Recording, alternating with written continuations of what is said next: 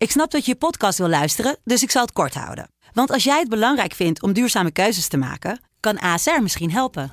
Nou hoor ik je denken, hoe dan?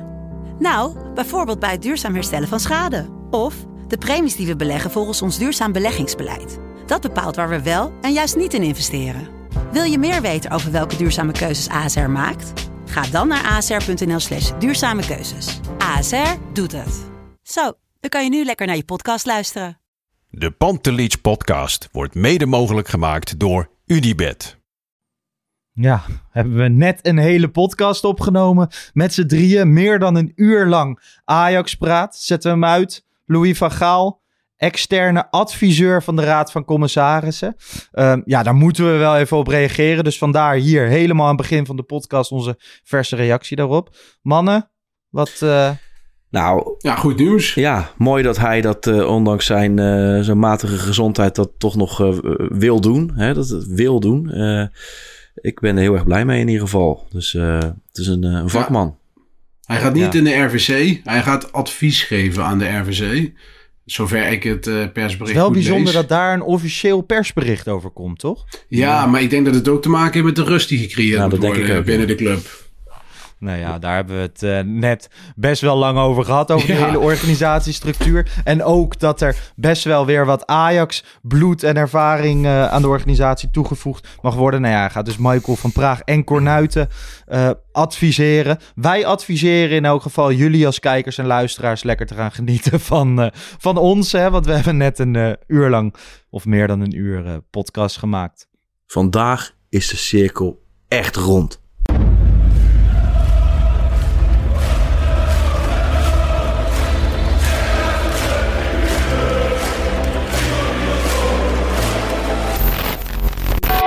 For me, they can have just lot of goals, lot of fun, and some some other things.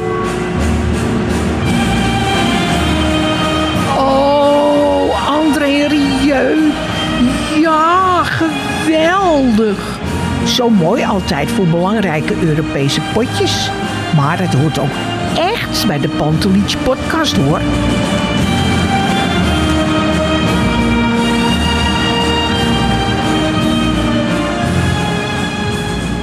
Het is woensdag 3 oktober. Tijd voor een nieuwe reguliere Pantelich podcast. Zoals elke week is er weer veel gebeurd bij Ajax. En er werd zowaar gewonnen. Of nou ja, niet helemaal. Want uh, de wedstrijd werd helaas niet afgemaakt. Dit en veel meer gaan we deze week bespreken. Met het vaste trio. Bart, jij bent er gewoon weer. Goedenavond. Goedenavond. En uh, Kevin, terug van weg Ja. geweest. Hoe was het op het werk? Ja, moet ook gebeuren. En noodzakelijk kwaad noem ik het altijd. Nee, geen probleem. Maar ik moet eerlijk Ja. zeggen, Lars, het voelt alweer een eeuwigheid geleden dat ik achter die microfoon bij jullie ben gekropen. En ik vond het Ja. een keertje niet zo erg, eerlijk gezegd. Eh Nee. hoop gebeurd. En het liefst heb ik het over linksbackies en rechtsbuitens. Maar ja, goed. Ja. Aan bepaalde zaken ontkomen we niet. Dus eh, ja, Nee. Nou ja, dat gaan we vandaag uh, weer allemaal bespreken. Goed dat je er weer bij bent. Ik moet eerlijk zeggen, ik heb de afgelopen week wel twee, drie keer de vraag gehad of wij geen ruzie hadden. Of dat je Nou, niks wilde zeggen niet. over die klassieker. Maar uh, inderdaad, ik zei ook tegen iedereen van een keertje niet. Het is allemaal rustig Ja. in Pantelietje-land. Het gaat, uh, het gaat hartstikke hier goed. wel. Wij zijn altijd ons, chill. eh, Wij zijn altijd chill met elkaar. Met ons toch? wel. Ehm, ja, laten we even naar die, eh, naar die zaterdagavond gaan. Een avond overschaduwd door de situatie van eh, RKC-keeper Etienne Vase. Ik denk eh, dat de hele voetbalwereld, maar ook alle Ajaxiden eh schrokken. Ehm, in de Pantelich podcast wedstrijdeditie werd direct eh, gerefereerd aan de situatie met Nouri. We kennen natuurlijk Eriksen, nu hadden we Etienne Vase. Hoe zag het eruit vanuit het uitvak, hè? Nou ja, in eerste instantie wel verbaasd. Want ik, ik, ik zag hem natuurlijk na die botsing met Bobby blijven liggen. En ik had in eerste instantie helemaal niet het gevoel dat het, dat het een zware botsing was. Maar ja, als je op een gegeven moment een paar armen op die borstkas ziet pompen, dan, eh, dan wordt het wel even stil. En eh, ja, dat was even schrikken. Het gebeurde zo, ja, het gaat niet om mij, maar het gebeurde zo 15 meter voor me. Mm. En eh, ja, dat zet het even allemaal in, perspectief, het hele voetbalspelletje, zoals het dan heet. Ja, opeens zie je het van een andere kant. Hoe zat jij achter de tv, Bart? Ja, eigenlijk hetzelfde als Kevin. Ik had in eerste instantie eh, niet het idee dat het heel erg was. De eerste paar seconden, zeg maar. En eh, ik dacht eerst van, nou, dat wordt een beetje hè, over de botsing. En iedereen, die, die commentator was meteen in de, in de diepste rouw. En ik dacht van, nou ja, maar ja, een paar seconden daarna weer later, toen bleek wel van, het is echt super serieus. En ja, je merkt ook dat het is een ver van je bedshow. En ook die protocollen, ja, ik kende ze niet. Uh, maar als je dan uh, mensen met uh, defibrillators het veld op ziet komen, dan ja, dat is heel naar. En dan heb je overal zin in, behalve om de wedstrijd verder te analyseren of te kijken of wat dan ook. Dus ja. die avond was voor mij wel klaar, ja. Nou ja, dat, dat was ook de reden. Hè. Thijs en Jan zouden sowieso die wedstrijdeditie een dag later opnemen. Nou ja, hebben ook niet het wedstrijdwoord gedaan. En je merkt ook aan, je merkt dan aan zo'n hele voetbalwereld en aan zo'n aan Twitter kan je het altijd goed zien dat een hele uh, sfeer verandert. Nou ja, het stadion is er ook goed mee omgegaan. Inmiddels gaat het goed met ja, Fase. Hij heeft zelf een update gegeven vanuit huis. Moet veel rust houden. Het is wat dat betreft uh, afgelopen met een, uh, met een sisser. Wij van de Pantelis podcast uh, wensen hem natuurlijk alle beterschap en een goed Zeker herstel weten. toe. En hopelijk kan hij volgend jaar weer een paar balletjes doorlaten tegen ons. Laten we dat zomaar ja. mooi zeggen. Dan uh, de wedstrijd, die 85 minuutjes die wel werden gespeeld. Nou ja, het is uh, allereerst erg shit, hè, ondanks de omstandigheden, dat Ajax straks weer terug moet naar Waalwijk voor deze. Nou ja, wat zal het zijn straks? 10, 11 minuten? Ja, ja daar lijkt het wel op. Hè? Ik bedoel, het is eerder uh, volgens mij Sparta-Vitesse, dacht ik, uit mijn hoofd. Ja. dat, dat het ook gebeurde. Dus ja, ik denk dat ze die wedstrijd gaan, gaan hervatten. En ja, ze zullen een uh, compassiewissel hebben, een extra wissel in verband met Fase. Omdat hij een, uh, ja, ja, heeft al vijf keer gewisseld. Nou, hij heeft een hoofdblessure, mogen ze nog een keer wisselen. Ja, dat zal wel, uh, wel zo'n impact hebben. Dus, maar ik ben benieuwd wanneer ze dat gaan plannen. Want ja, volgens mij zit bij Ajax aardig vol. Ja, de eerste mogelijkheid zou die eerste week van november zijn. Maar dan wordt de thuiswedstrijd tegen FC Volendam ingehaald. Het is toch wel, ja, je krijgt echt unieke situaties op, op deze manier. Jij gaat naar die uitwedstrijden toe, Kev, gaat vijf minuten voor tijd ja. dus weg. En die wedstrijd zal ongetwijfeld zonder publiek uitgespeeld worden. Ja. Terwijl ja, daar ga ik niet meer heen. Het publiek is hier... Nee.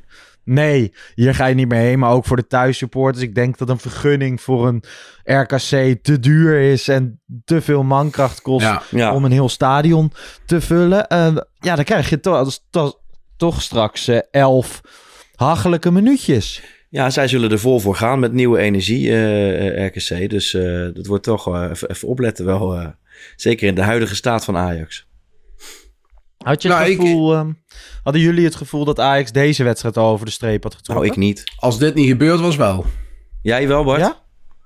Ik had het gevoel dat ze dit wel over de streep ja, gingen nou. trekken. Ik denk dat de Berghuis goal was wel een, uh, een moment dat ik dacht van... Ah, dit is wel de derde keer dat Ajax op voorsprong, voorsprong komt.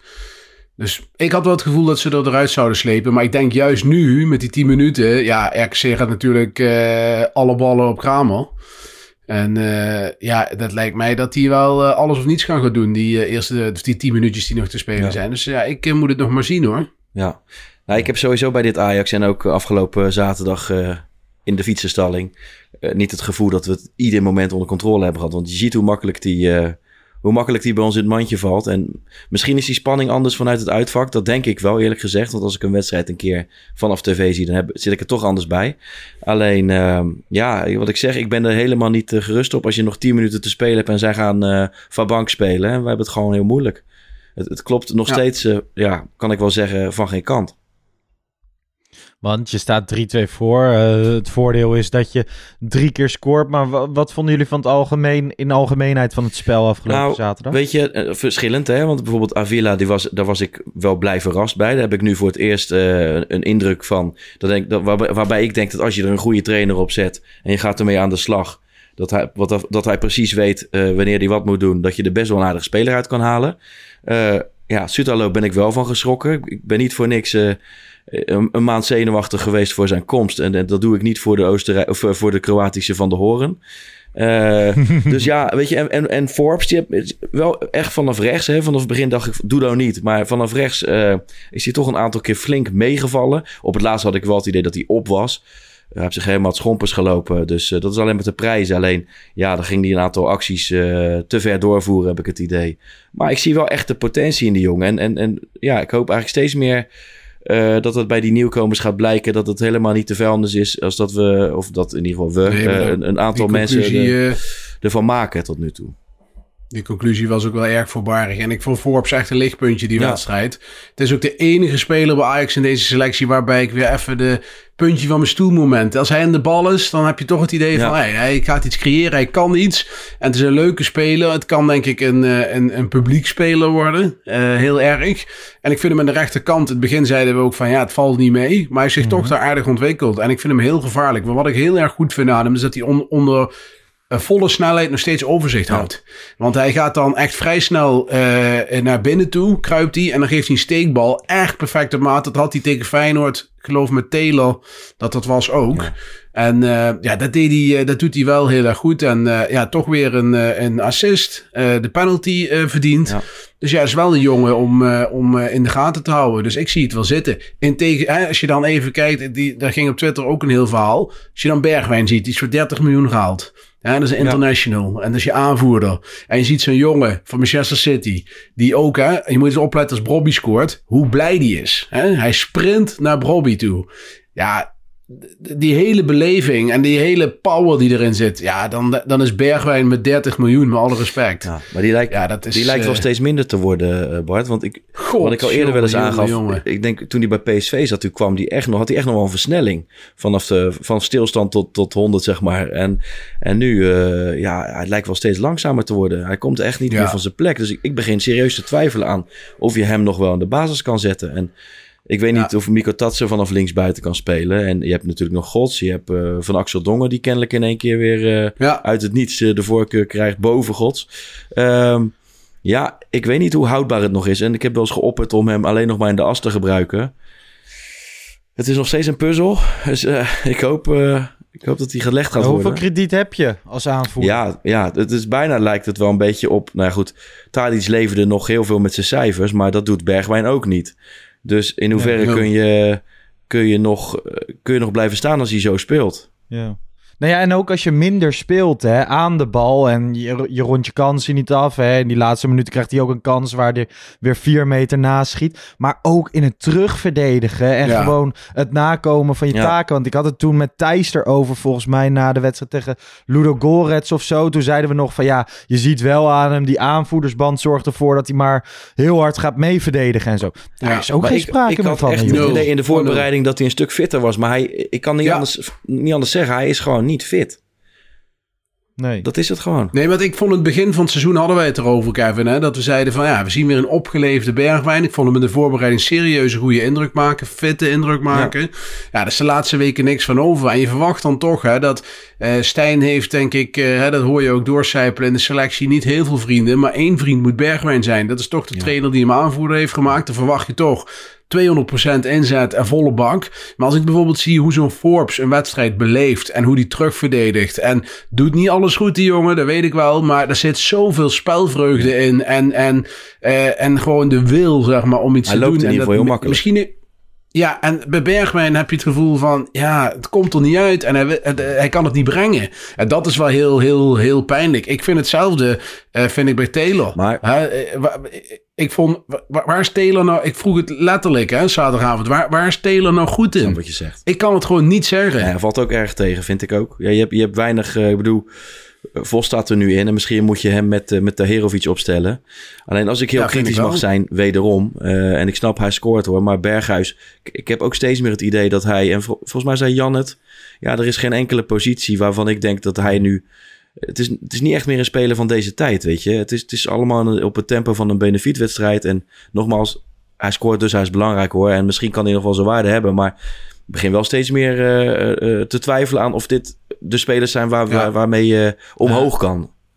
En sowieso kijken we nu naar hen als karretrekkers. Ja. Hè? We, we, verwachten van hun een voortrekkersrol. Absoluut. Maar dat kan je niet van ze verwachten. Het zijn meer de nummer 6, 7 en 8 binnen een elftal. Die, die zich moeten vasthouden aan Ja. vorig jaar een Daily Blind, een Dusan van- van de En andere dit kant- als jij kijkt naar afgelopen Van- zaterdag, dan zou je eh, van, van een, een voortrekkersrol eh, zou je van Soetalo verwachten, van Bergwijn en van Berghuis. Ja, ik vond ze misschien wel de minste van het veld. En dat is wel veelzeggend, hè? En Ja, dat, dat, is ook weer... Ook, eh, kan je dan nog zeggen, hij is net nieuw. Ja, eh, Ja, maar wij zijn als, als, als podcast natuurlijk... eh we willen in ieder geval niet mee in de, in de onderbuik en in de agenda's eh, tegen Mislintat. Alleen dit is wel een puntje wat je wel weer op hem kan afschuiven. Hè? Eerder hebben we het erover gehad, inderdaad de samenstelling van de selectie. Maar dit zijn wel cruciale spelers. Dus eh, je moet een paar kartrekkers hebben, denk ik. En ja. goed, dan heb je het nog niet eens over de posities gehad. Maar ja, we moeten er wel steeds kritischer naar kijken. En eh, wat positief uitvalt is inderdaad Forbes en, en Avila die dan... eh, waar dan ontwikkeling Ja, in lijkt te zitten. Kevin. Weet je wat het ook is? Het, soms valt dingen ook op zijn plek, hè? Ik bedoel, de, we waren vol, iedereen was aan het vol op het huilen. We hebben geen rechtsbuiten. Nou, ineens hebben we een rechtsbuiten. En dan zegt iedereen, ja, tegen RKC. Ja, dat weet Ja. ik. Maar we hebben wel iemand, hè, waar je, wat ik zeg, nieuw, fris, puntje van de stoel. En hij is bij goals Ja. betrokken. Dus laat dat vooral even staan, zou ik zeggen. Dan zegt iedereen, ja, we hebben geen nummer 10. Nou ja, ik vind Berghuis op zich een nummer 10, maar die kan het niet brengen. Nou, we hebben een aantal weken geleden heb ik jou geremd. Zei ik van, eh, nou, die Missouri, wacht er nog maar even mee. Want eh, laat die eerst maar zijn een jong Ajax zien. Maar ja, die begint nou wel langzamerhand Weet je Bart? bij jong Ajax te ontgroeien. En dan moet je toch hem ook, denk ik, nu, eh, zeker als je ziet eh, hoe weinig vanuit het middenveld gebracht wordt, hem een keer een kans gaan geven. Al is het maar eens een keer een inval. Nou, weet je, Bart, het gaat mij. Ik bedoel, een aantal. Ik ben het niet met alles eens. Want je moet ook kijken naar hoe dingen tot stand zijn gekomen. Nou, als jij zegt. We halen hem als rechtsbuiten. Vind ik het niet heel erg verstandig als je iemand die zijn hele leven op linksbuiten hebt gespeeld. maar als proefballon eh, gaat halen voor rechtsbuiten. Ja, dat het nu goed uitpakt. Oké, je kan zeggen geniaal gezien. Maar ja, de- het- het, het is het een kan, het, je denk kunt ik. het allebei, is nog steeds Nee, wel echt tegen RKC. Ja, dat Ja. weet ik. Maar, maar dat is gemakkelijk om te zeggen van... ja, dat is toeval of geluk. En je kunt ook zeggen, dat is goed nou gezien, goed. weet je wel. Misschien dat heeft hem gehaald als rechtsbuiten. Hè? Dat Ja. zei hij toen ook in dat eerste filmpje. Alleen, ja, ik heb nog steeds, ik denk nog steeds dat hij op links Maar dan, uiteindelijk. maar dan de, de teampositie. Nou ja, goed. Ik kijk daar anders tegenaan. Ik vind dat, dat Berghuis dat dat niet meer kan in deze tijd als tien. En ze ook niet als rechtsbuiten. Maar goed, eh, neem die weg dat het gewoon een, waardevolle speler kan zijn voor je selectie. En Misselhoy, misschien is het vroeg inderdaad. En ik vind ook, je moet je niet laten chanteren. Maar de jongen heeft wel nog een jaar contract. En we weten dat er allerlei grote clubs ook weer eh, aan hem trekken. Ja, het is, wordt wel tijd om hem in ieder geval een kans te geven. En qua type, en dan zeg ik puur qua type, want het niveau vind ik ook nog moeilijk in te schatten. Hoewel eh, Vos het voorbeeld is van hoe snel het kan gaan. Hoewel Hato het voorbeeld is van hoe snel het kan gaan. Eh, dat het qua type echt wel een speler is die daaronder kan dartelen. Die de juiste techniek heeft, die de juiste... ehm, ja, eh, bewe- hoe, hoe hij beweegt. Hè? Dat is, het, neigt een beetje naar Kudus zonder gelijk al in, die, in die schoenen te schuiven. Maar ja, eh, ik, ik weet ik zie dat wel. En ik hoop dat het, dat het goed uitpakt. Nou, sowieso. Hè. Als je nu naar de nummer 10 positie kijkt, Berghuis komt continu die bal halen. Hè. Hoe vaak Soetelo hem wel niet kort inspeelt. Nou, dan zie je direct, Berghuis is geen Modric. Maar je zou hem in die nummer 10 positie ook hoger op het veld willen hebben. Volgens, volgens mij, hij komt niet onder Maar- Brobby. Hij, gaat, Handelt hij daar niet te hij traag? komt ook niet zoals Klaas. Want dan laat hij, zich- laat hij zich uitzakken zodat hij veel meer wel- tijd heeft. En dan, en dan is de paaszuiverheid nog eh eh, Nou ja, ik heb het gevoel dat hij ook, eh, in tegenstelling tot Bergwijn, die echt wel op mij overkomt alsof hij totale scheid heeft, heb ik dat bij Berghuis niet. Die maakt een Nee. doelpunt. Je ziet echt wel dat hij betrokken is. Hij wil echt dat dit Ajax wint. Tuurlijk. Ik, ik denk ook nog steeds De dat hij als na de wedstrijd. Precies. Ehm, ik denk dat hij een andere instelling heeft. Alleen ik twijfel ook, ook aan die rol. En zeker ehm, dat hij zichzelf te veel verantwoordelijkheid geeft. En het zich daarmee zelf ook heel Zou moeilijk kunnen. maakt. Maar we zijn het er wel over eens, jongens, toch? Als je hem na de wedstrijd hoort, daar staat toch veel meer een aanvoerder. Ik zeg niet dat hij de perfecte aanvoerder is, hè, maar er staat toch veel meer een aanvoerder dan Zeker. Steven Ja, Bergwijn. qua hoe die uit zijn woorden komt wel inderdaad. Alleen- Ja, maar ook gewoon, hij is kritisch, weet je wel. En hij is- analyseert het Maar- goed. En hij durft ook gewoon maar steekjes vind jij in het veld, dat hij Bergwijn ook nieuw, hè? maar vind je dat hij in het veld de ploeg eh, bij, zo, bij de hand neemt? Nee, nee, nee, nee, dat vind ik wel Is zaterdag meevallen. het slechte voorbeeld, want dan, dan maakt hij eh, de misschien wel winnende goal. Maar tot nu toe vind ik dat... eh, Het is wel een beetje zijn potje, hè? RKC uit. Ja. Vorig jaar natuurlijk ook al. Ja, ja. Dus eh, Berghuis op de fietsenstalling. eh, misschien ben ik te kritisch, dan moet je het vooral zeggen. Maar eh. Helemaal niet. Helemaal niet. Ik denk juist dat, dat, dat dit heel erg goed is. Alleen, ja, we- praten niet heel graag over concurrenten in deze podcast. Nee. Nou ja, op dit moment als we het over concurrenten zouden hebben... zouden we het over Volendam en Almere City hebben. Maar dan wil ik toch heel even naar PSV eh, kijken. En naar die nummer 10 positie. Die hebben op dit moment gewoon drie, vier echt goede keuzes. Weet je wel, de, daar Ja. Peter Bos zit...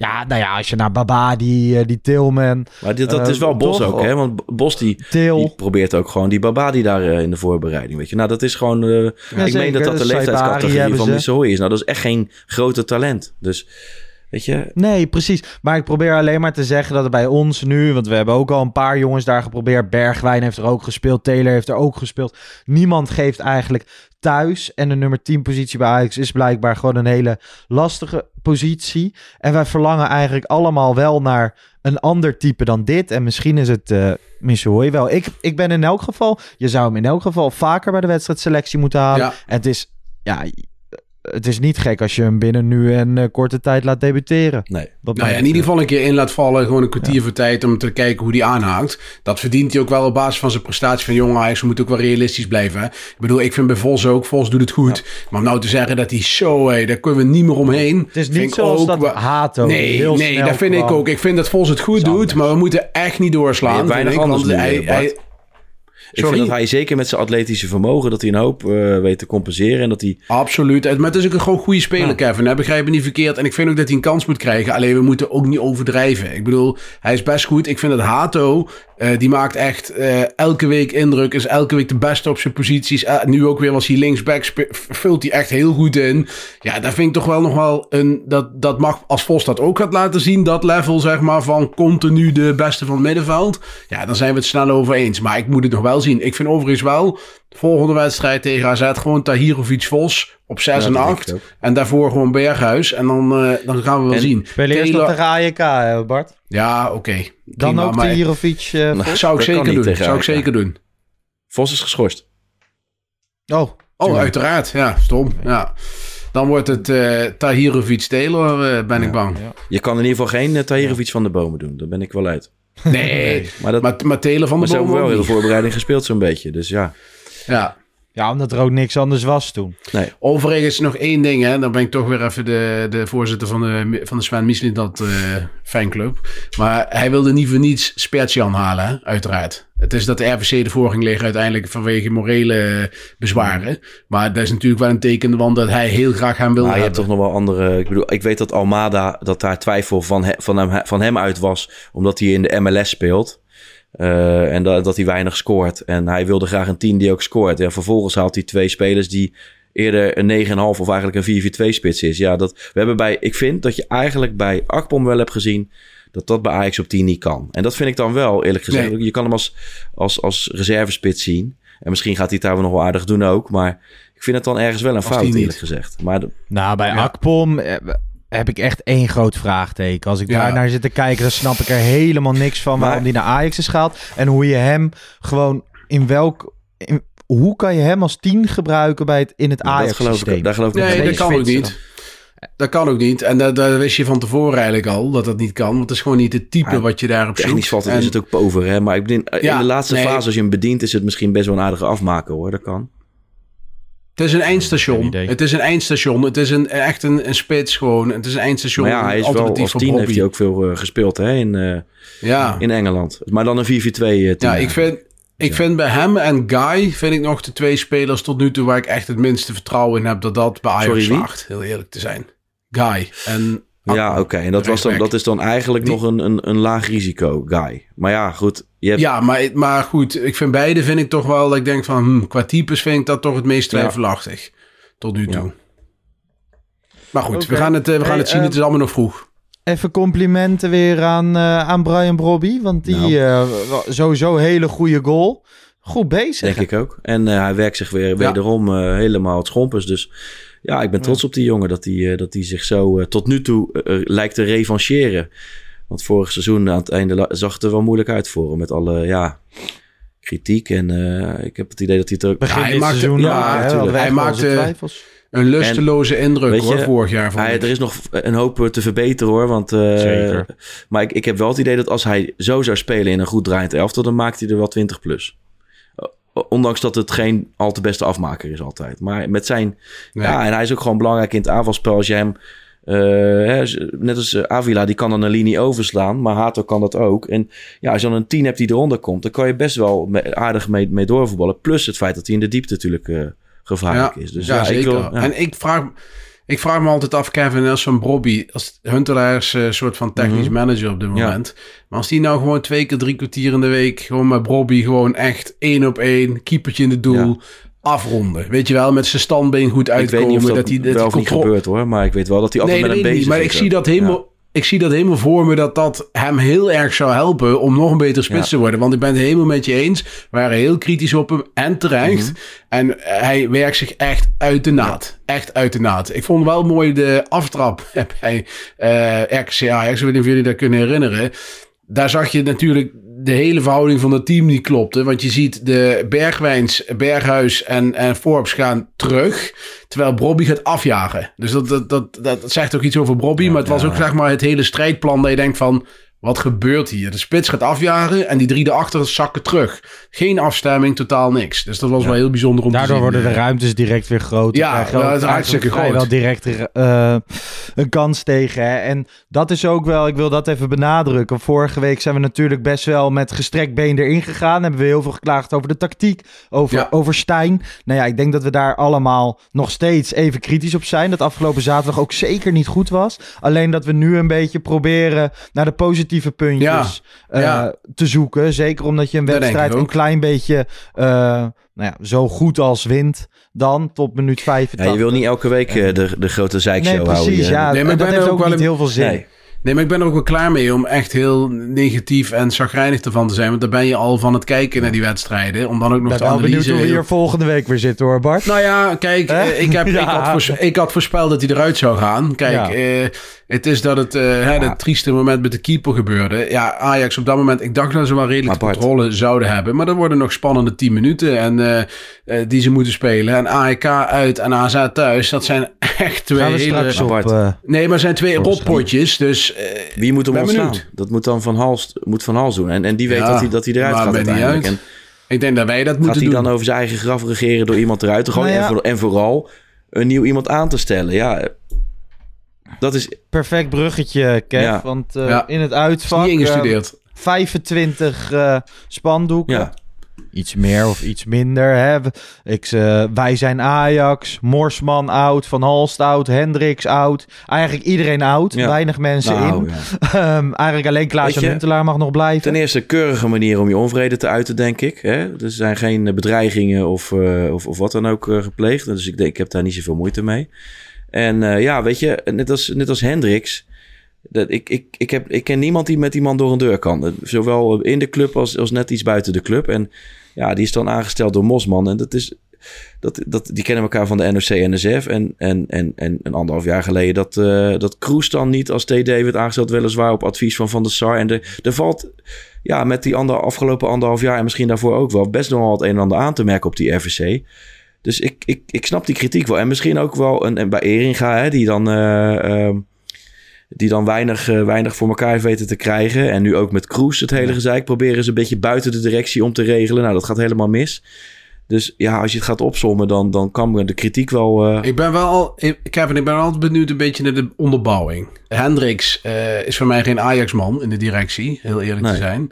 Ehm, maar ik ben altijd wel benieuwd naar de Nou, onderbouwing. wat ik, wat ik hoor is dat die man zich eh, overal tegenaan bemoeit. Ook over voetbalinhoudelijke dingen. En misschien dat zijn methodes, hè, dus hij weet best wel een hoop over sport. En, eh, maar dat dat als ondersteunend zou kunnen werken bij Ajax. Maar kijk, die mensen die kritiek op hem hebben, die ik dan hoor. Ik ga daar natuurlijk geen namen over noemen. Maar dat zijn echt geen achterlijke borrelnootjes, weet je. Dus ja, en Nee. als het er zoveel zijn, dan ben ik wel geneigd eh, om daar in ieder geval een kern van waarheid van eh, aan te nemen. En, Nee, da- dat ben ik met je eens. Maar we moeten ook niet vergeten dat bij Ajax er een hoop mensen werken die er al ja, jaren dat is de werken. andere die kant, tegen dat alle begrijp ik. Die tegen alle vernieuwing en tegen alle. En- nieuwe en mensen... eh, Net die, als de profscouting is zo verrot als ik weet niet wat. Dat, dat, daar ben ik me ja, te degen daar van kun- die bewust. conclusie mogen we wel trekken, toch? En als je naar, eh, want de andere kant, hè, als ik eh, de naam Maurits Hendricks lees, dan eh, heb, je, heb je vaak kritische noten. Maar hij is toch om dat proces van oude toekomst naar nieuwe toekomst en zo een beetje in goede Mhm. banen te leiden. En dat hij zo'n topsportcentrum in Arnhem heeft gebouwd en dat ook vanuit de luwte doet. Het gekke vind ik gewoon, ja, ik heb hem nog geen één keer in de media gezien als Ajax-directeur. Het is, het, hij staat bekend als een ijdele man vanuit het NOC-NSF. Nou ja, je ziet hem nergens. Hij werkt in de luwte. Dus wij, je hebt er ook weinig zicht op. Ja. Alleen wat je, wat je hoort en, eh, en, En ik, leest. ik vind ook dat je het feitelijk moet houden hoor. Ik bedoel, ik snap ook als ik hem in een, in een, in een eh, in een interviewtje ziet, dan, dan heb ik ook niet het idee dat het mijn bloedgroep is. Maar daar moet je hem ook niet op afrekenen. Uh, Nee. Maar ik, wat, nogmaals, als ik zoveel kritiek hoor, hoor over dat, dat hij wel even uit komt leggen hoe het voetbal uit in elkaar steekt. Of dat een, een, een, een creatief iemand in de as hoort te spelen. Misschien heeft hij daar nog gelijk in ook. Alleen vind ik niet dat hij daarover zou moeten gaan. Dat zijn voetbalmensen die daar, of mensen met een Ja, voetbalachtergrond, of, of, op- of die daar al een hele tijd in, in gespecialiseerd zijn eh, over zouden moeten gaan. En mensen Ik met data-achtergronden, die gaat, zouden meer als ondersteunend eh, moeten werken, in mijn optiek. Ja, ik vind het ook, Kevin. Maar ik vraag me dan altijd af of dat echt zo is. En als dat echt zo is, dan denk ik, zo'n man is toch ook niet achterlijk. Want zodra je dat gaat doen, dan weet je toch dat hij niet serieus Nou ja, genomen misschien- wordt. Want daar is hij gewoon Misschien ligt de waarheid wel in het midden. Maar nogmaals, ik baseer me vooral op eh, meningen van mensen die er Ja. op zitten. En, Ja, en zowel in als buiten de club. Ehm, ik denk dat we dit onderwerp even eh, afsluiten. Want ja, voor de luisteraar slash kijker... die willen toch dat we het vooral over voetbal Ja. hebben. Of tastbaarder maken. Van Halst vertrekt na maart. Keert niet terug in de, in de RVC. Logisch. Hè, dat, is- dat gebeurt een beetje onder lichte dwang. Nou ja, volgens mij hebben we dat al vaker benoemd in deze podcast. Het zou heel erg gek zijn als hij zijn eigen beslissingen gaat controleren. Volkomen logisch. Zou hij een beetje spijt stap. hebben van zijn keuze om interim algemeen directeur te worden? Geen, Had een mooi baantje. geen idee. Ja. RVC-lid bij Ajax. Ja. Dat Daarnaast zijn eigen coachingsbedrijf. Prima toch? ja, nou joh, Ja. misschien kan het hem geen moer interesseren. Ik, ik heb geen idee, eh, Lars, dat kan ik moeilijk. Nou, ik zag hem Het op de tribune zitten in Waalwijk. En dan, dan zie Ja. ik wel een man die het wat doet. Ja, Die, dit, Ja. Die het zichzelf aanrekent. Hè. En ik heb dezelfde Jan van Hals destijds in Enschede zien zitten. En ik vind het eh, toch wel wat, wat treurigs hebben. Ik heb Jan van Hals twee keer mogen ontmoeten in mijn leven. Toen was het gewoon een hele aardige man. Verder weet ik er ook niks Nee. van. Maar ehm, ja, ik vind het toch een beetje treurig. Alex Kroes dan start liever vandaag dan morgen. Je kan begrijpen dat ik ook met ledenogen aanzie wat er momenteel gebeurt. Ik denk nog steeds dat het heel lastig is om eerder te beginnen. Maar ik sta er zeker wel voor open. En dat weten de mensen binnen Ajax ook. Je begint nu een beetje een vervelend eh, iets te krijgen in de media. Robert Eenhoorn bij Goedemorgen Eredivisie zegt dat er echt wel mogelijkheden zijn. Nou ja, Kroes zegt dit dan weer. Je weet niet wat die voorwaarden zouden zijn. Het zou Nee, niet om precies. geld gaan. Het zouden, ik, ik kan me zo voorstellen dat AZ een aantal onmogelijke voorwaarden schetst. Eh, je hoort dan bijvoorbeeld dat Ajax tien jaar geen transfers zou mogen doen of zo. Nou ja, het zijn natuurlijk eigenaardige voorwaarden. Maar eh, weet ik niet. Ik krijg er een beetje een negatieve smaak van jullie. Nou ja, als, die, als, als dat klopt wat ze zeggen over tien jaar geen, eh, geen, geen werknemers van AZ overnemen, dan dat, dat, dat gaat natuurlijk niet. Dus dat zijn eh, helemaal geen eh, reële, Nee, ik zou- reële zaken. ja, maar is dat erg? Ik bedoel, we hebben tien jaar lang spelers van ze gehaald. En dat was tien jaar lang niet veel. Dus ik zou zeggen... Ja, maar toch eh, vind ik dat je daar niemand... Want misschien dat over acht jaar... Ja, Nee. daar hoef je toch niet mee in zee te gaan. Nee, maar het is het, is, het, is het typische eh, provinciale gedrag van AZ. Weet je wel, dat je de- je plek niet echt helemaal Maar weet. Want Je je moet ook iemand... groot gelijk hoor. Ja, maar Ja? je moet ook iemand, zo'n... prof- zo'n Ja, je kunt algemeen directeur toch van... Dramatisch gedaan, jongens. Slecht gedaan, maar als iemand algemeen directeur van, van Ajax kan worden, dan uh, dat is een van de mooiste baantjes, denk Ja. ik, in Nederland. Ik weet Maar niet. Bart, Ik het is een goed recht om er niet in mee te gaan. En, en als je ook hoort hoe dat gegaan is, dan is dat natuurlijk weer een, een beetje een flater van je welste geweest. Ja. Ajax die, die bracht het al naar buiten eh, voordat het eh, rond was, ja. Ik kan me voorstellen dat, dat, dat, dat ik heb, heb ik het volgens mij eerder gezegd. Ik weet dat eh, Martin van Geel naar Groningen opbelde. En die, die bracht het even zo van, wij komen Suarez van jullie overnemen. Ja, toen gingen ze even met de hakken in het zand. En ik kan me daar wel iets bij En voorstellen. dit is een keer dat AZ Ajax echt kan raken. Hè. Ze hebben zich natuurlijk de afgelopen jaren best wel eens flink geïrriteerd. Nou ja, nu hebben ze een stok om mee te slaan. Dat doen ze dan ook. Even eh, oude jongens krentenbrood. Mhm. Michael van Praag en, eh, en Van Wijk. Ja, ik, Voorgedragen. is dat, is dat niet net zo gek eigenlijk? Want ik bedoel, die heeft dan als erelid de bestuursraad gevormd. En is dat niet vergelijkbaar als een Van Hals die daar dan in de directie is Ja. geschoven? Het is, eh, het is eh, ik, ik zit er een beetje tweeledig in. Eh, aan de ene kant denk ik, ja, het zijn echte Ajax-bestuurders. Die weten hoe Ajax werkt als, als, als club, als slangenkuil. Dus in dat opzicht snap ik het. Maar ja, ik snap ook een beetje de commentaren dat het een beetje ons kent ons, Old Boys Network, vind ik. Ik vind Van Praag dan ook weer meteen heel hard van stapel lopen. Hij gaat met iedereen praten en hij gaat met iedereen gaat hij, eh, gaat hij kletsen. Allemaal heel erg ego. Ik vind het allemaal heel goed dat hij dat, dat mag je voor mij allemaal doen. Of het slim is, vind ik twee. Want dan denk ik van ja, je bent een RVC-lid. Eh, laat Kroes dan, eh, zorg er nou voor als RVC-lid dat Kroes eerder kan komen. Kan die gaan praten met de, met de betrokken partijen. Want die zal er op de lange termijn zitten. Hè, Kevin en ik hadden van de week een hele lange discussie over, over de app. Maar ja, kijk, ik denk dan ook van... eh, Nou, zorg er nou... Je bent er voor korte zijn er voor een paar maanden, Ja, Kev, begrijp ik. Dus eh, voor hele korte maar ik termijn. zie, dus dan denk ja, ik ik van, zie ja, geen kwaad in praten. Maar en, en, en- Nee, ze mogen voor mij best praten. Maar dan denk ik van, is er dan die paar maanden... Ga nou doen wat heel nuttig is voor Ajax. Zorg dat Kroes eerder komt. En dat er een man zit heel snel voor de lange wellicht dat termijn. eh, en dan... Zorg dat hij, dat hij het ons kan komen uitleggen. Hopelijk gebeurt dat. binnenkort bij ons of zo.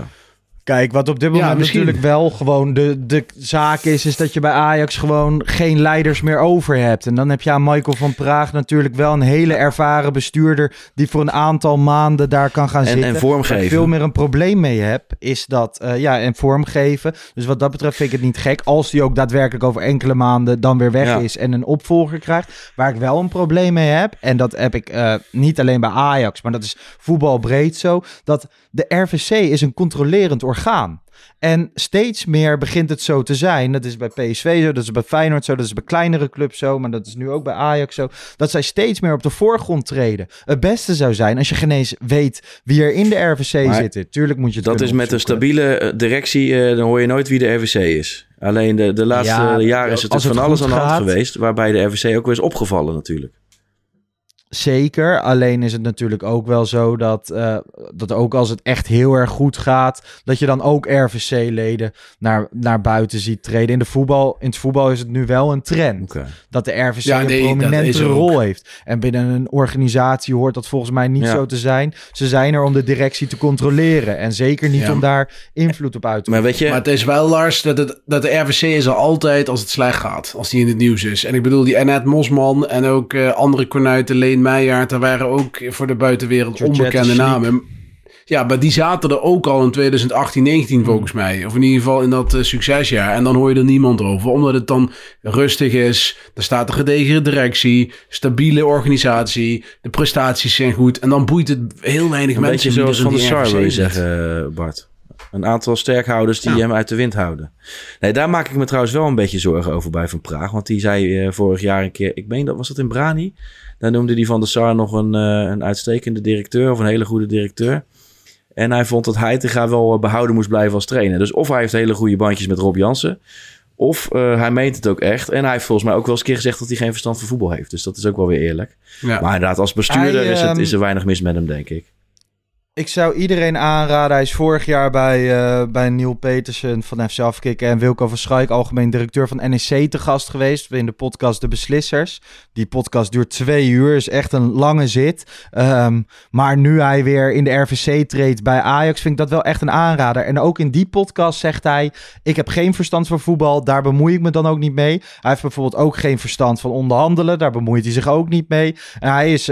Hij zegt zelf wel heel erg goed te zijn in connecties maken, handen schudden, iedereen langsgaan binnen de arena. En ik moet wel zeggen, ik heb ooit eh, een, een podcast over voetbalsupporters gemaakt. Er luisterde nog geen 10% eh, naar van, dan van deze podcast. Maar daarin is hij te gast geweest. En toen hij alleen al binnenkwam in die ruimte, dan verandert gewoon de hele, hoe noem je dat? Aura, de hele Ja. sfeer, de vibe, verandert gewoon totaal. En gewoon de eerste drie kwartier was ik echt, nou, ik durfde geen kritische vraag te stellen aan, eh, aan meneer Van Praag. Hij heeft, hij heeft wel iets bijzonders. Op wat voor Nee, manier je dat dan ook. Hij, hij is verbaal super sterk en hij heeft iets rustgevends. En ik zal je vertellen, als ik algemeen directeur zou zijn of, of technisch directeur en hij zit boven mij in de RVC, zou ik me enorm op mijn gemak voelen. Want als er één slangenbezweerder is eh, die de boel onder controle kan houden en alle, alle partijen en neuzen dezelfde kant op kan eh, zetten, dan is Michael van Praag het. Want die is overal ligt hij in de club. Weet je wel, die heeft bij de supporters kan die terecht. Hij heeft de vijfde kolonne connecties ereleden. Zit bij Ajax heeft hij allemaal mensen.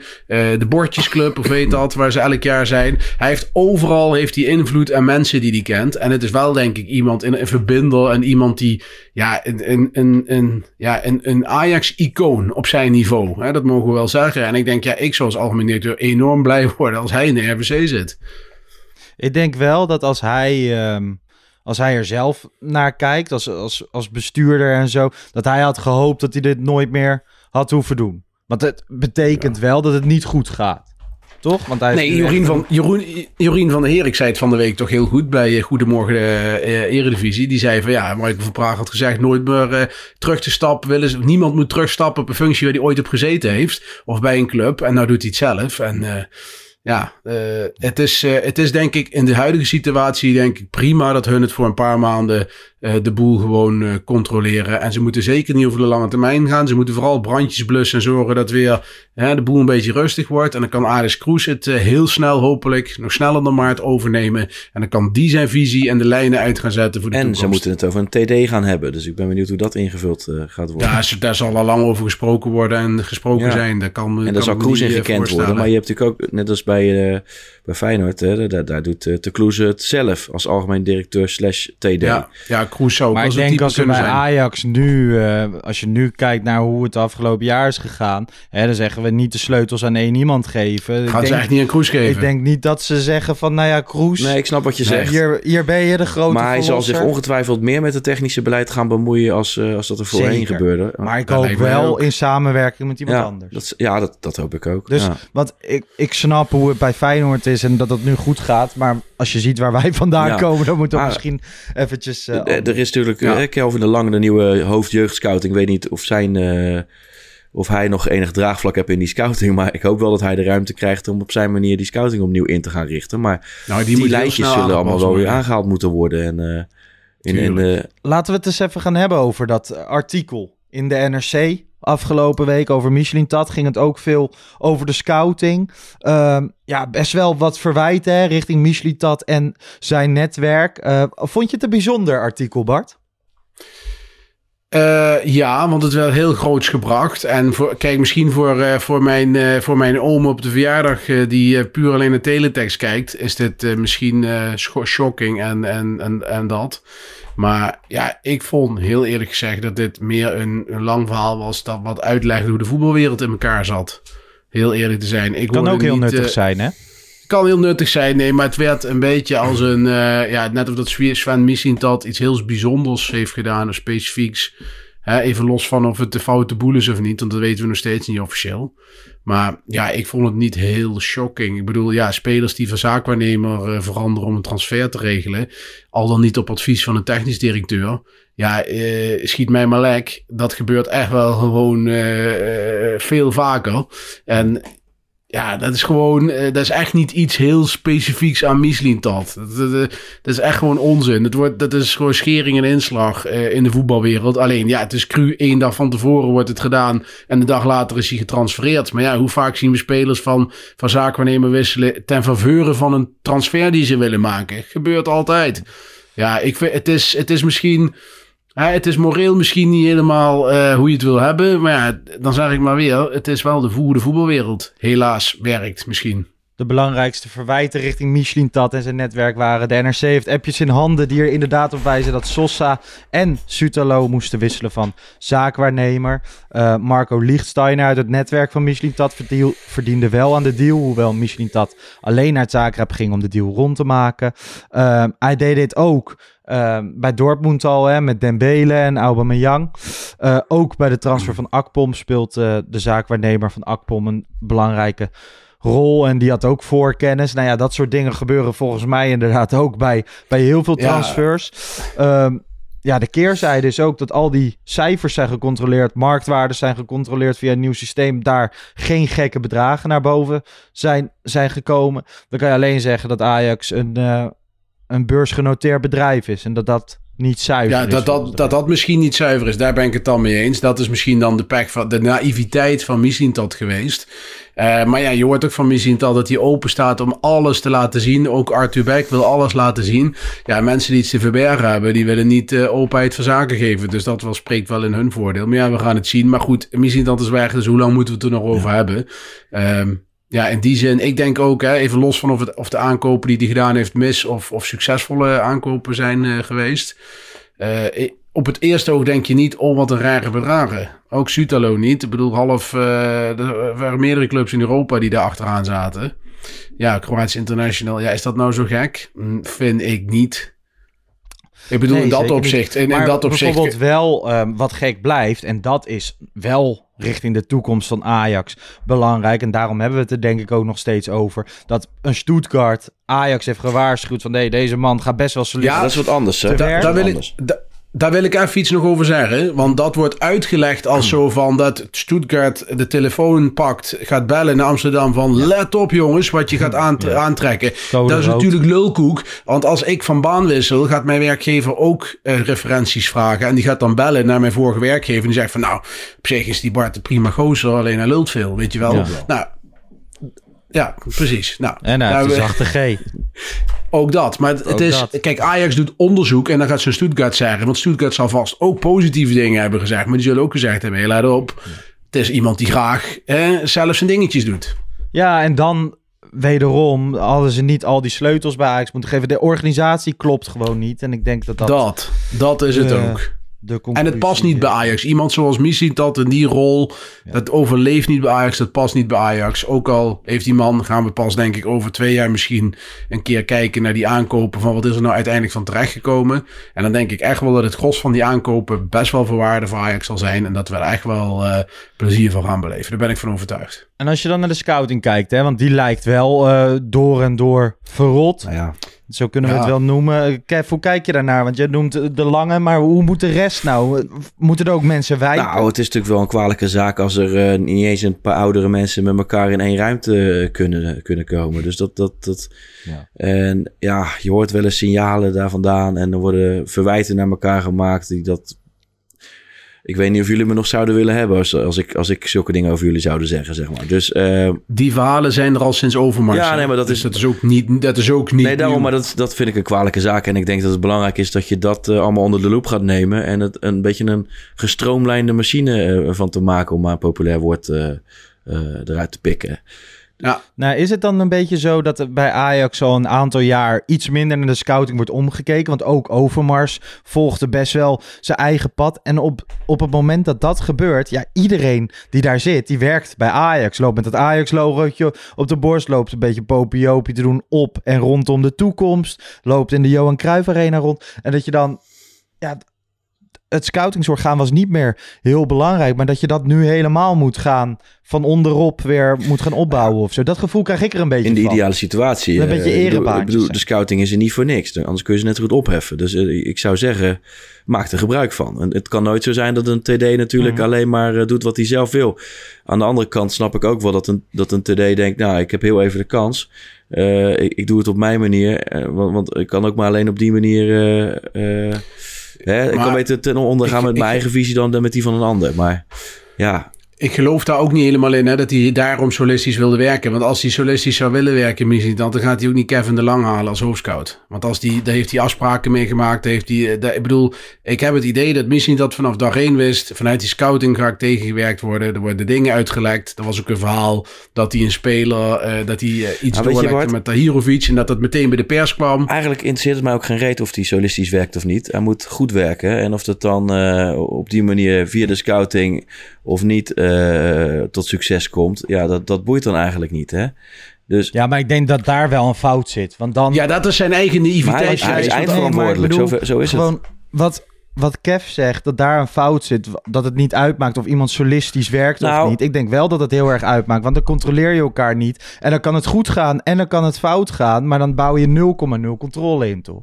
Dus je hebt iemand nodig die de ander altijd eh, controleert. Maar ook als je naar vorige transferzomer kijkt, hè, dan met de transfers van Bessie en zo. Toen waren ook de verhalen toch dat de scouting totaal genegeerd werd. En dat er niet Ja. eh, naar hun wordt omgekeken. Nee, luister, het gaat mij erom dat, dat eh, als hij nou eh 12 voltreffers had gehaald, dan had je niemand erover gehoord. Nee, maar dat is wel het probleem. Dus ik zeg wel dat het kan. En dan had ik ook juichend op de banken gestaan. Alleen dan, dan gaat het drie keer goed en dan gaat het weer een keer fout. Je moet natuurlijk naar een systeem toe waar je die foutmarge zo klein mogelijk maakt. Maar het is ook natuurlijk wel gek als je dan vorige zomer haal jij nu aan, Lars. Want ik vind het wel naïef van, eh van Missintat. Want hij Oh, doet niet een, hij ik doet het niet, hem ook niet. Hij, hij doet ook niet. hij doet ook niet een interne politiek. hè, want hij had kunnen weten dat dit uiteindelijk zijn, zijn, zijn, zijn eind zou betekenen. Hij is als een olifant door een parselijn Ja, gegaan. daar weet je, dat is een recipe voor disaster. En ik vind ook wel dat als we terugkijken naar die vorige zomer over, over eh, miskopen gesproken. Zullen we dat lijstje nog eens erbij pakken? Daar hoor je helemaal niemand meer over. Ja. Hè? Ik bedoel, er waren Huntelaar, Hamstra en Overmars bij. Ik bedoel, Brobby, eh, nu doet hij het goed. En we zijn al blij dat hij nou, nou doorrent op een verdediger.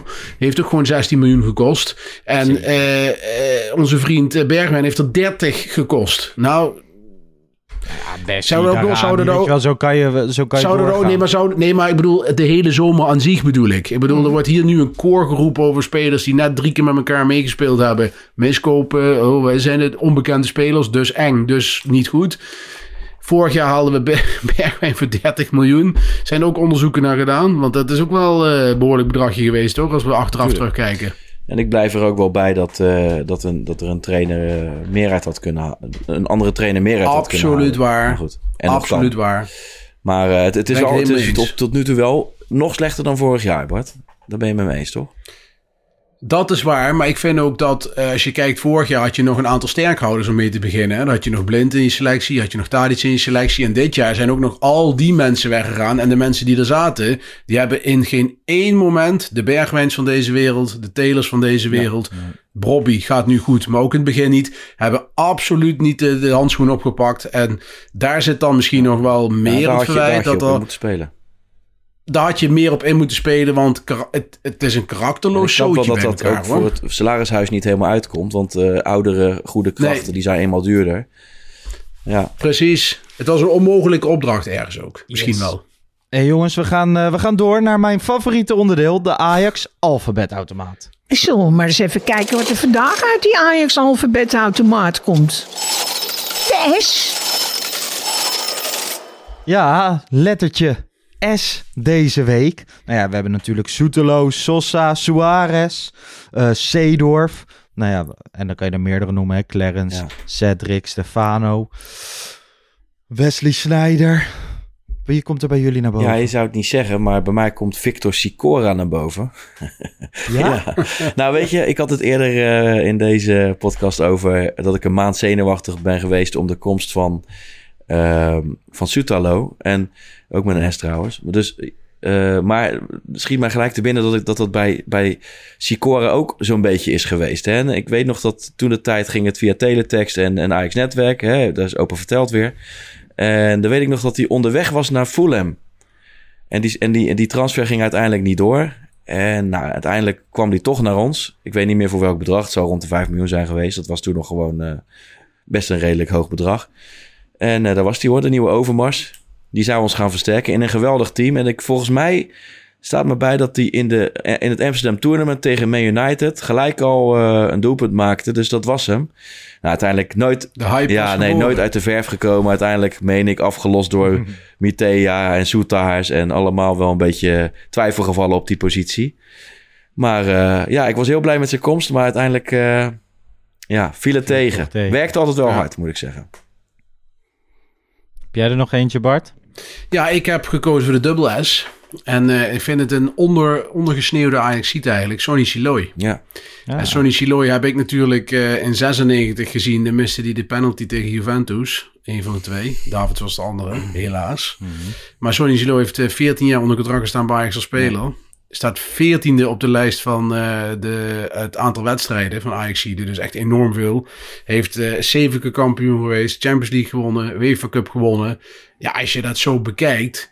Dat is natuurlijk wel echt ook een, een icoon. Het was maar een rechtsback of een, een keer van het middenveld of wat dan ook. Dus daarom is eigenlijk een ondergewaardeerde ajax Zeker. ergens. En Want eh, het is denk ik wel echt ja, enorm zijn, eh, zijn, eh, zijn lijst voor Ajax. Ook daarna als trainer, jeugdtrainer. En volgens mij doet hij bij Ajax iets met internationale... maar ging hij niet met eh, Milos Milanovic ook trainingskampen organiseren of zo? Ik heb zoiets Hou me doet te hij, goed dacht hoor, maar ik dat weet het niet precies. bij, Maar, maar Hij doet ook veel handjes schudden, toch? En hij loopt er altijd een beetje, Ja. een beetje Ja. rond. maar wel een, wel een Ajaxiet. Wel een echte geleden Ajaxiet. gehoord in een andere Ajax-podcast, eh, De Aap. En daar was hij te gast. En ik ja, ik heb daar wel, hij kan goed praten. En het is leuk om hem over die tijd te horen. Dus eh, Ja, zeker. Mooi, mooi echt ajax ziet. Leuk. absoluut. Ik had zelf nog eh, Jeffrey Sarpong. En daar moet ik altijd aan denken, omdat die, eh, ja, die klassieker in, in 2008 of 2009, Ajax speelde toen met 2-2. Volgens mij is de laatste klassieker geweest met, eh met uitpubliek. En, eh, en mijn vader werkte destijds bij Fortis slash ASR. Een van die twee was toen hoofdsponsor van Feyenoord. Dus ik mocht mee eh, in de skybox van, eh, van de Kuip. Nou ja, en als klein jochie was het allemaal vooral heel erg eng. Niemand kan natuurlijk ruiken dat je voor Ajax bent. Maar je hebt wel het idee dat iedereen naar je kijkt alsof je voor Ajax bent. Maar ik moet wel zeggen, ik heb twee keer in die, eh, in die Kuip keihard staan juichen. Onder andere bij een goal van, van Sarpong. Dus ehm, Jeffrey, eh, Jeffrey Sapong is nou typisch zo'n jeugdspeler, dat weet Kevin ook nog wel. Waarvan, ik weet nog goed dat John Goossens en Jeffrey Sapong zaten in hetzelfde elftal en die konden naar Chelsea. Dus de Chelsea was heel erg concreet voor die gasten. Ze bleven bij Ajax. De hype was toen ook weer echt unreal hè, over eh, Jeffrey Sapong. En dan zie je toch hè, dat spelers, ook Fern en Anita, die heeft het later wel redelijk natuurlijk bij Ajax gedaan. Maar die waren, ook Fern en Anita was echt, daar dacht iedereen van, dat wordt top, top, weet je wel. En ook Jeffrey Sapong, dat was wel echt een speler waarvan iedereen dacht van, ja, dat wordt echt eh, de nieuwe Seedorf. Ja, dat viel allemaal toch wel Ja, zo wat, zijn er eh, veel wat geweest natuurlijk. Hè. Ik schaar Ja, hem altijd een beetje in het zeker. rijtje van Yusuf Hessi en Stanley Abora. Ja, ja. Kwame ja, Kwanza. Ja, toptalenten. Maar goed, wel leuk om te volgen. Kwame Kwanza, omhaaltjes op de Shell Juist, jeugdcompetitie. Hè? Daar Robin van Persie speelde bij Feyenoord en Kwame Kwanza Van bij Beukering Ajax. bij En nou is het echt opa verteld.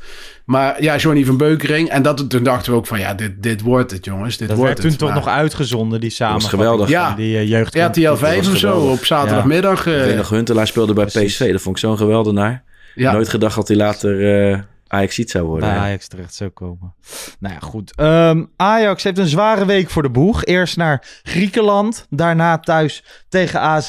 Nou ja, eh, laten we eerst even met AEK bezig zijn. We kennen natuurlijk de wedstrijden eh, uit het succesvolle Champions League seizoen. Of seizoenen, moet ik zeggen. Want toen Ajax de Champions League won in 1995 troffen beide ploegen elkaar ook in de groepsfase. Nou ja, de laatste keer dat, het, dat Ajax ver kwam eh, ook. Was je er destijds bij in het uitvak? Nee, hè? dat was de enige, wed- eh, enige trip die ik dat seizoen niet heb gepakt. Dus eh, de rest van de hele Champions League, hè, we, we schopten het tot, tot bijna in de finale. Maar dat was de enige die ik niet Ja. eh, heb bijgewoond. Kon ik niet regelen toen en nu ook niet. Geen molotov cocktail Nee, op, nee, op is- je het hoofd is- gehad. Dat was die wedstrijd. je moet altijd een hè? beetje op je hoede zijn in dat soort landen. Het is geen Disneyland Ja. waar je naartoe gaat. Dus, eh, Nee. ja.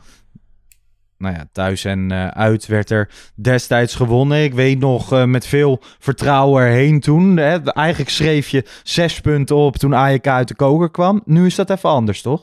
Ja, kun je wel zeggen. Ja, het is, eh, maar ja, goed, de Ajax, eh, als ze al tegen FC bal op het dak, dat wordt dan moeilijk. dus nee, ja, eh, ik ben echt heel benieuwd hoe dat eruit gaat zien. En ik zag ook vandaag weer iets geopperd worden over vijf verdedigers. Dan denk ik, ja, nee. Dan maar ten onder met 4 verde- 4-3-3, maar vijf verdedigers, dat, dat, dat Vind ik kan ook, toch niet. Het gaat er toch veel dat is- meer om ook dat het niet heel erg uitmaakt of Stijn nu 5-3-2 gaat spelen of 4-3-3. Maar als je met, eh, met deze tactische instellingen, noem ik het maar even, eh, het veld in gaat, dan maakt dat ook allemaal niet zoveel uit. Dan zijn het toch maar poppetjes. Ja, maar 5-3-2, dan spelen er bij Stijn wel vijf verdedigers, ben ik bang. Ja, precies. Ik hoorde Bart Vriends, eh, onze collega van de Core Podcast, die zat bij, eh, bij Ziggo, bij Rondo. Ja, En, eh, en die zei ook van, nou ja, Maurice Stijn is een trainer die het wel eens lekker vindt om dan gewoon de bal bij de verdedigers te laten peren naar voren. Ehm, en toen zei hij, dat kan bij Ajax niet. En toen dacht ik, nou ja, Bart, dan heb je dat restant van Ajax Feyenoord niet gezien, want daar deed hij het Ja. wel daadwerkelijk, hè? ja hij, doet het wel, maar het kan, hij doet het wel, maar het kan, het kan eigenlijk niet. Nee, en dat gaat ook nooit lang stand Nee. houden. Maar ja, goed. Eh, kwestie van, van Het valt me wel op trouwens, jongens, hè, dat, dat, dat in, onder de supporters eh, enorm Stijn oud leeft. Weet je wel, Mike Verwij wilde het nog Valt doen wel mee, hoor. Het is, het is, het is Twitter-bubbeltje Het is sowieso, op maar Twitter, ook... maar, op Instagram valt het Nee. allemaal wel mee. En mijn voetbal, eh, weet je wel, op de voetbalteams en zo valt het allemaal wel mee. Ja, het valt mij ook in het uitvak, zag ik Nee, maar dat komt, Stijn Bart, oud. omdat er daar Dat meer anders. gedacht wordt aan... als je gewoon de wortel weghaalt... dan kunnen alle negatieve Ja, gevolgen precies. eh, daarna... eh, eh, Jezus. hè, en, en, en misschien Ja. is er al ook verdeeldheid. Hè? Ik bedoel, ik, ik weet ook niet alle meningen van, eh van alle Ajaxiden. En ja, Maar ik ben wel benieuwd de mensen die hem nog wel la- willen laten zitten. En alle oprechtheid, hè, vraag ja ik denk dat Want- zij ook zoiets ja, hebben van... we hebben nu eh, drie trainers de versleten. Eh, dat is het ook niet. En, maar goed, ik had hem nooit aangesteld. En jij ook niet. En, en Lars ook niet. Dus de- nee. daar ga je al. Het vertrouwen van ons was al laag. En ik denk van de meesten. Maar ja, de pest is dus wie... ons vertrouwen De uitgesproken. enige vraag waarvan ik vind dat het nog enigszins... eh, eh, eh, die plausibel is van... Oké, dan gooi je hem eruit. Wie dan? Ja. ja. als jij nu even Dave Vos zegt, want die is 40 en dat Ja. was Louis van Gaal Ja, dat- ook, dan word je weer la- uitgelachen bij Ja, ESPN voetbalpraat. Ja, eh, het is wel zo'n vergelijking. Dat was het. Maar niet, eh, het was, ik opper het niet per se. Alleen ik denk nog steeds wel dat Dave Vos... Hè, dat, dat klinkt nu heel raar omdat hij onderaan staat in de KKD. Zegt mijn inziens eh, helemaal niks. Want er zit nog steeds meer lijn in. Alleen verdedigend is het totaal uit balans, dat team. Daar kan hij niet zoveel aan doen. Ehm, zou je dan ook kunnen zeggen over dit elftal. Maar dat vind ik niet. Maar goed, ehm, over Ajax 1. Nee, ik, ik, ik, weet, ik denk niet dat ik dat zou doen. Misschien voor de korte termijn. Of dat je zou kunnen zeggen... en dan echt ad interim kijken hoe dat eh, zou lopen. Ehm, maar ik denk dat het handiger is om eh, iemand anders voor de groep te zetten.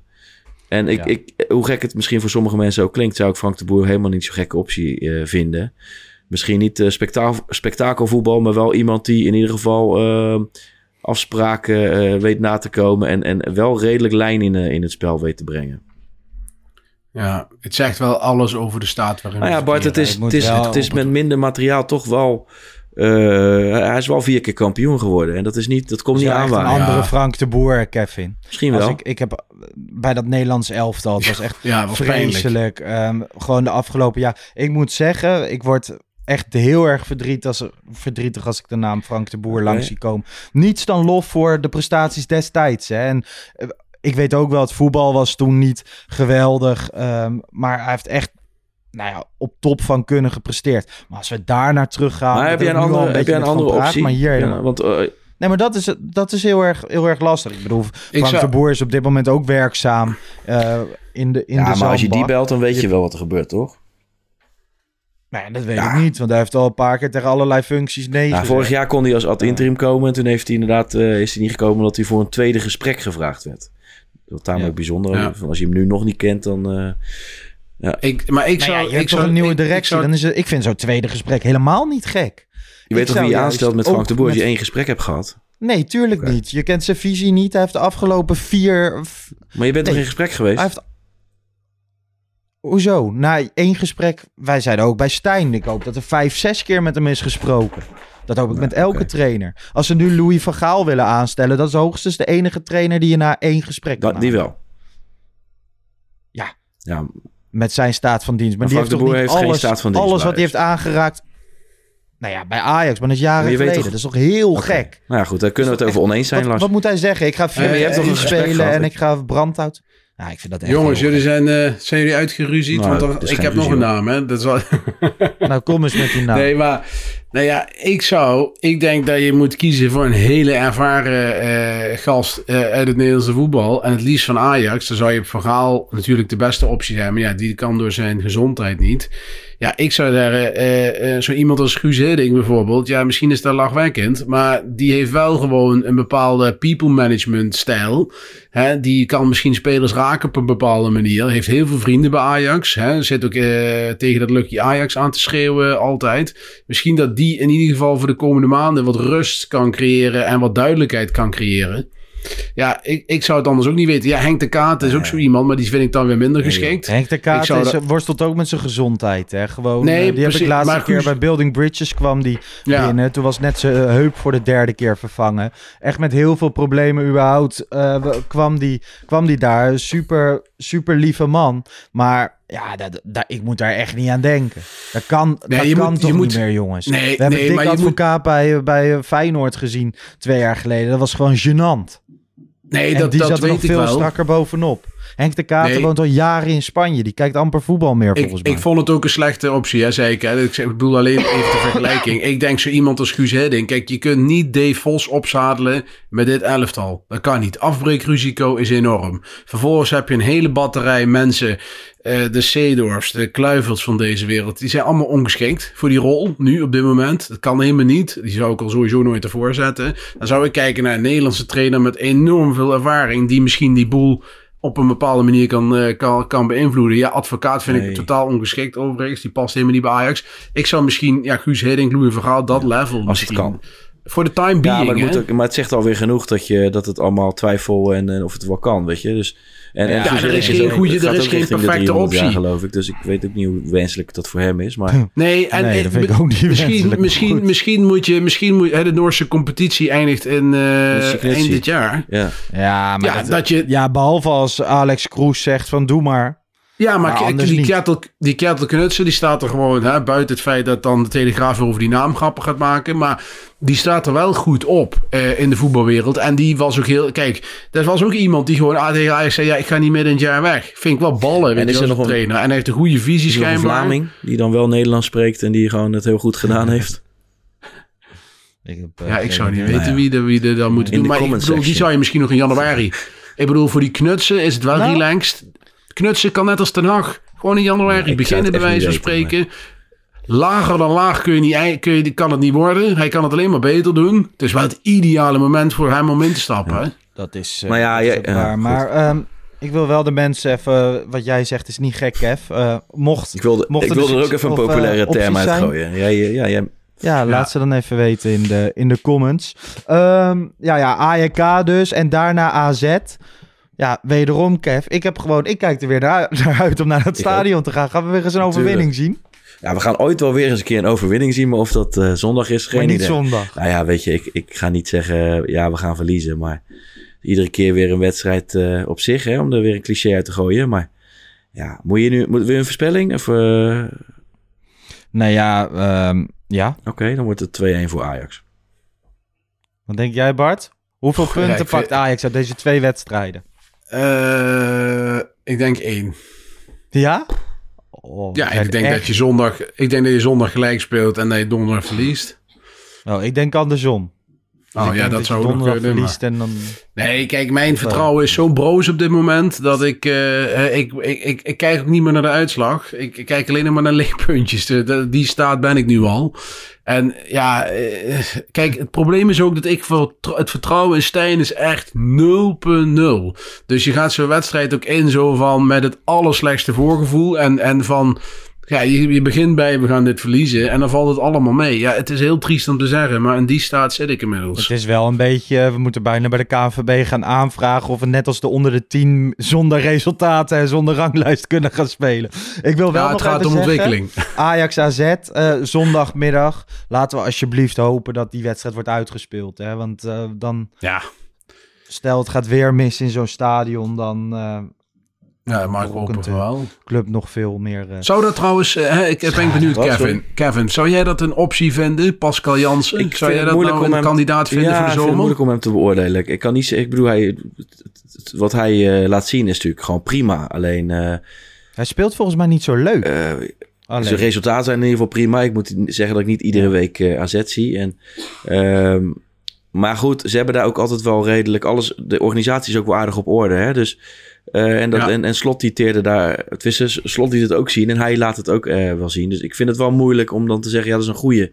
Misschien wel, Bart. Misschien zijn er mensen die dat beter kunnen beoordelen dan ik. Ik, ik zie te weinig AZ. Het schijnt Ja, ook wel op een eh, aantal vlakken een beetje een mediaframe te zijn geworden. Hè? Dat AZ inderdaad 10, 12 jaar geleden heel erg op de troepen vooruit liep. Vroeg data ging gebruiken. Mental coaching binnen de Ja. jeugdopleiding. Dat, daar, daar Maar ze zijn altijd wel redelijk van. niveau vast, hè, Lars? Want eh, dan halen ze toch, toch Zeker, alweer een paar spelers van buitenaf die, eh, klasse. die dan, waarmee ze toch altijd wel de subtop. eh, Zeker weten. Eh, Toporganisatie. Alleen er wordt wel eens gesproken alsof zij het grote voorbeeld voor iedereen moeten zijn. Volgens mij valt Nee, dat wel mee. Maar ik vind Pascal Jansen, dat moet ik wel erbij zeggen, dat is de enige naam die enigszins logisch klinkt.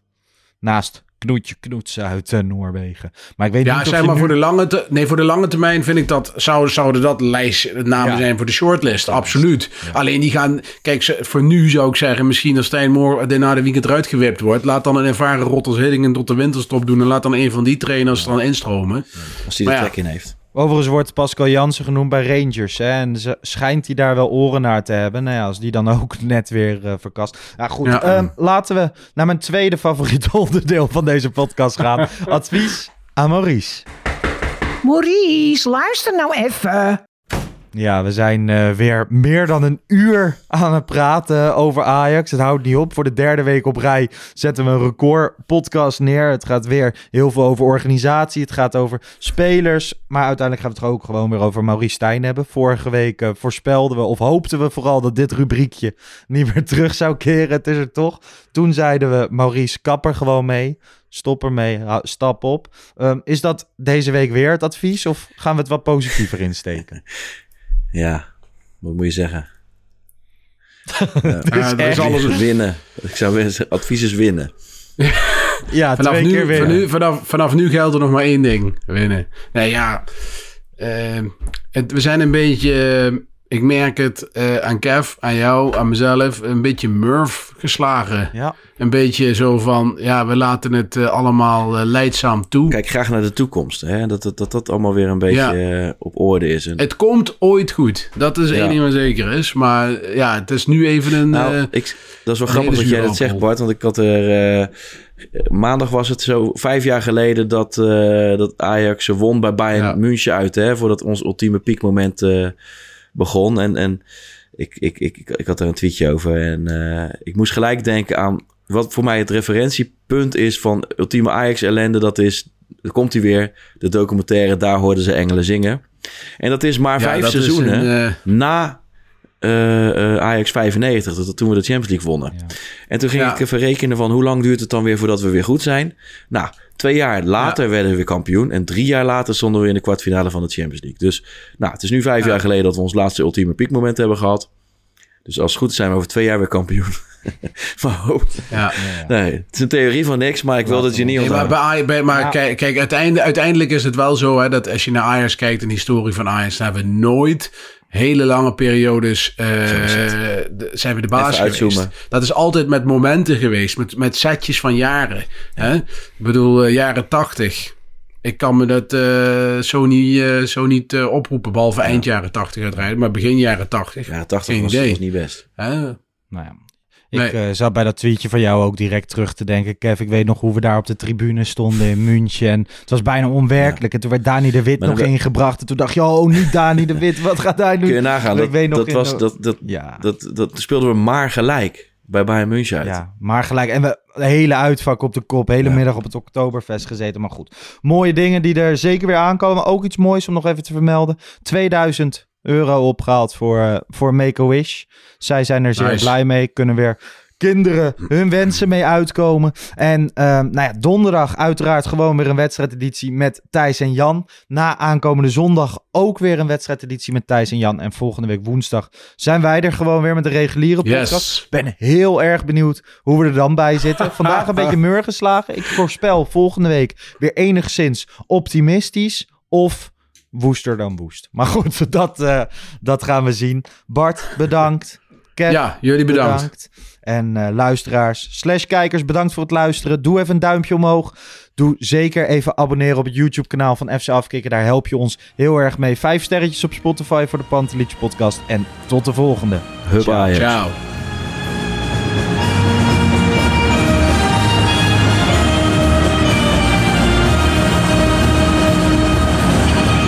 Let's go Ajax.